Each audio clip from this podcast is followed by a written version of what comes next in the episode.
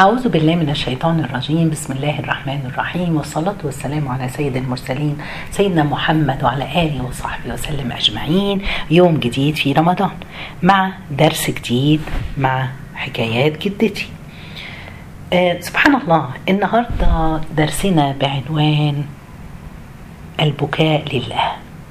إيه هو الحكاية؟ جدتي النهاردة ما حكتليش قصة زي ما بتحكي كل يوم. هي سألتني قالت لي انت عمرك بتبكي؟ قلت لها كتير يا جدتي كل واحد فينا بيبكي. فقالت لي انت بتبكي ليه؟ قلت لها ساعات ببكي عشان كان نفسي في حاجة وما حصلتش. أو ببكي لما حد عزيز عليا بيموت. أو ببكي لما بشوف موقف كده ويصعب عليا الشخص اللي قدامي. قالت لي جميل أنا هحكي لك بقى إيه المواقف اللي المفروض نبكي فيها والمواقف اللي المفروض ما نبكيش فيها. حكيت لي ثلاث مواقف. قالت لي مرة حصل معاها أول موقف كانت في زيارة مع صاحبة قرايبها عند قرايبها بتزورهم. وهم قاعدين بيتكلموا واحدة منهم بتقول لهم افتكروا يا جماعة كمان نص ساعة نحول التلفزيون على المسلسل الفلاني. الحلقة اللي فاتت خلتني أعيط لغاية ما كنت هتعمي من كتر العياط. جدتي قالت لي أنا بصيت واستغربت. واحدة تانية قاعدة قالت لها هو انت لسه بتعيطي بالمسلسلات؟ بتتأثري بيها؟ قالت لها دي الحلقة كانت فظيعة. متهيألي مفيش حد شافها إلا لما بكى. سبحان الله. جدتي قالت أنا فكرت فيها. قلت بكت من المسلسل لدرجة إنها بتشبه تقول إنها كانت هتتعمي من كتر البكاء. هل الست دي عمرها بكت يوم على إنها ضيعت فرض من فروض الصلاة؟ سبحان الله. إزاي بنضيع حاجات زي كده وما نبكيش عليها؟ الصلاة اللي ما نقدرش عوضها ولا حد يقدر يعوضها. لكن عيطت على موقف تمثيل الناس بتمثل فيه. قالت لي ده كان أول موقف فكرت فيه. تاني موقف بتحكيهولي بتقولي كان في مناقشة بين اتنين. الأولاني بيقول بتقولك إيه؟ آه إزيك؟ عاملة إيه؟ تانية قالت لها الحمد لله كويسة. حمال عاملة إيه في حفظ القرآن؟ فقالت لها وصلتي لأي جزء؟ فصاحبتها قالت لها اسكتي والله أنا مقصرة قوي. مشغولة مش ملاحقة. المهم عاوزين ناخد ميعاد نزور صاحبتنا التالتة. قالت لها ماشي هكلمها وأرد عليكي. راحت ورجعت كلمتها وحددت الميعاد إن يروحوا يزوروا. النهارده الساعة 8 يروحوا صاحبتهم التالتة. بس لما كلمتها بقى تقول لها قالت لها بس ده مسلسل ميعاد المسلسل التركي الفلاني. قالت لها إيه يا بنتي؟ هو انت لسه بتسمعي المسلسلات دي وبتتفرجي عليها؟ بيسمعيها لما ترجعي شغليها من على مش عارفة إيه نزليها على الإنترنت وهتعرفي تتفرجي. فقالت لها غصب عني والله العيال علقوني بيها خالص البطلة مش بتخليني أبطل بكى لا حول ولا قوة إلا بالله. تبكي عشان البطلة بتمثل حلو. وما بتبكيش على إنها مقصرة في القرآن. هي بتقول وبتعترف إنها مش عارفة تحفظ القرآن أصلا ما عندهاش وقت. لكن عندها وقت تقعد تتفرج على التمثيلية والفيلم. عمرها بكت خوف من ذنوبها اللي عملتها. لا إله إلا الله ولا حول ولا قوة إلا بالله. قالت لي تالت موقف يا بنتي. مرة كنت مسافرة كانت مسافرة. بتحكي يعني. وكان يعني شخص بتحكي على شخص يعني كان دايما بيسافر بيشتغل وعلى طول في سفر. وكان يرجع بالليل آخر الليل سبحان الله. كان بيجمع الصلوات اليوم اللي فاتوه كلها يصليهم مرة واحدة قبل ما ينام. في نص الليل يمكن. بعد ما عدت سنوات عليه وعلى نفس المنظر سبحان الله لقى نفسه لا خسر فلوسه ولا كسب حاجة. مراته زعلت منه وسابته. مفيش حاجة ولقى نفسه لوحده. فكر وقعد مع نفسه كده. قال إيه نهاية اللي أنا عملته ده؟ أنا عشت حياتي كلها في ساقية دايرة. تعب نفسي ليل نهار ومقصر في علاقتي مع ربنا. بكى على العمر اللي ضاع منه. وللأسف برضه بكى على التعب اللي هو تعبه وفي النهاية ما جابش الفلوس اللي كان عاوزها ولا البيت اللي كان نفسه فيه. بس برضه ما بكاش ما بكاش على الصلوات اللي كان بيصليها كلها مرة واحدة بالليل في نص الليل. سبحان الله ما افتكرش إن هو أول حاجة كل واحد فينا هيتسأل عليها هي الصلاة يوم القيامة. لو صلحت صلح العمل كله ولو فسدت راح يعني سبحان الله هيفسد العمل. اللي أنا اللي جدتي عاوزة تقوله واللي أنا عاوزة أقوله. ناس كتير بتبكي لكن في الحقيقة مش بتبكي في حب الله. هو ده الدرس اللي جدتي عاوزة تعلمه لنا. هو ده الدرس اللي لازم نطلع منه النهارده. يا جماعة حب ربنا سبحانه وتعالى. يعني إيه؟ يعني إيه؟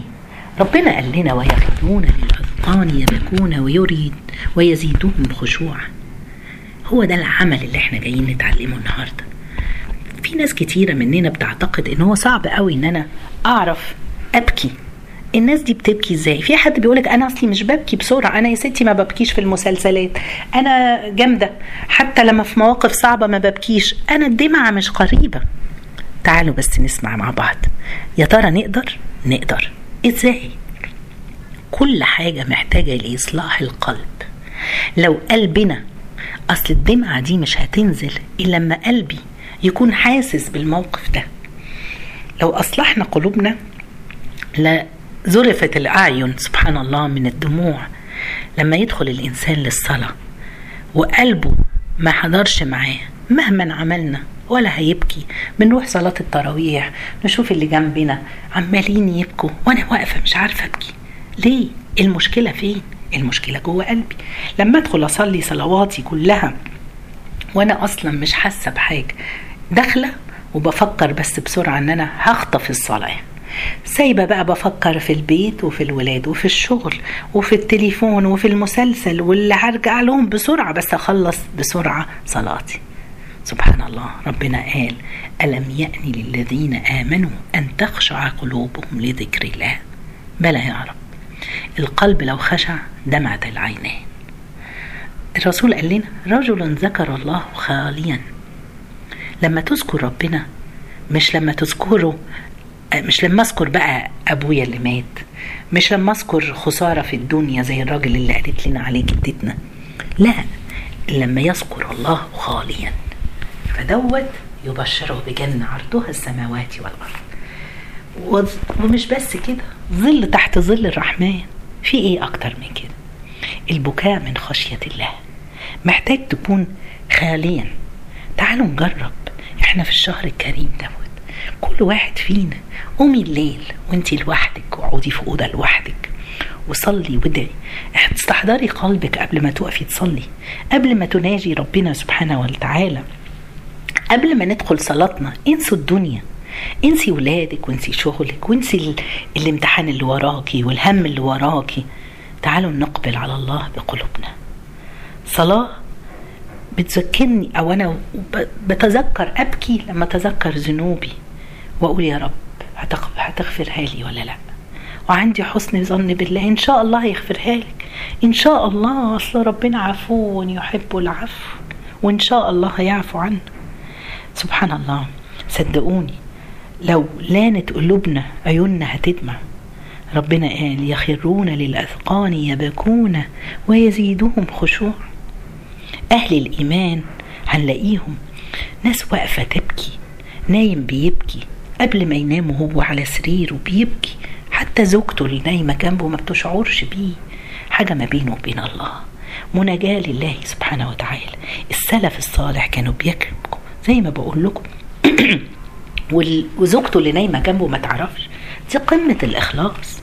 مش الناس اللي بتبقى ساعات في المساجد بتبكي وبصوت عالي تبقى حتى مش عارفة تركزي انت من كتر الصوت العالي أبدا. ده مش الخشوع.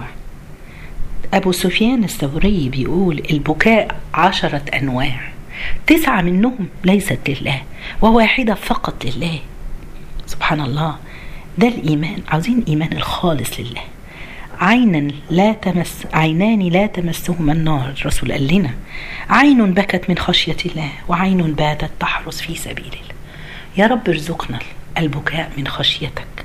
يا جماعة البكاء البكاء اللي أنا بقول لله زي ما إحنا سمينا درسنا البكاء لله معناه إن البكاء ممكن يكون ساعات من شروطه انه هو خوفا أحيانا واحيانا خوف وخشية وأحيانا حبا وطمعا أن يبكي الإنسان لربه. دي أنواع البكاء. صدقوني النهارده ممكن تقولي أنا النفس قولي لنفسك أنا هبكي من خشية الله. اقعدي لوحدك ارفعي إيدك ارفعي إيدك قوي وادعي كان الرسول يبكي فيبل لحيتيه وسجدته. كان أبو بكر يبكي أول ما يبدأ الفاتحة في صلاته. كان عمر عنده خطين تحت عينيه من كثرة البكاء. كان عثمان بكاء طول الليل وعليه لا يعرف مثله في البكاء. هم ده حالهم الله يحب العبد التقي الغني الخفي. خلينا مع نفسنا في الخفاء. دلوقتي لو انت قاعدة في بيتك قومي صلي بالليل. ادخلي أوضة واقفل على نفسك. كان حسان بن ابن سنان بيحضر مسجد عند مالك بن دينار. بيقول لك أول ما كان مالك بن دينار يتكلم يبكي حسان حتى يبل ما بين يديه وفي هذا لا يسمع له صوت. بيحاولش يوري الناس. سعر البكاء غالي قوي يا جماعة. يوم القيامة قال ابن عبد الله بن عمر لأن أبكي خشية لله أحب إلي من أن أتصدق بألف دينار. اللهم افتح قلوبنا يا رب لحبك للخوف والرجاء. يا رب طمعا في مغفرتك. ربنا يتقبل مننا جميعا. جزاكم الله خير. سبحانك اللهم بحمدك أشهد أن لا إله إلا أنت. استغفرك ونتوب إليك.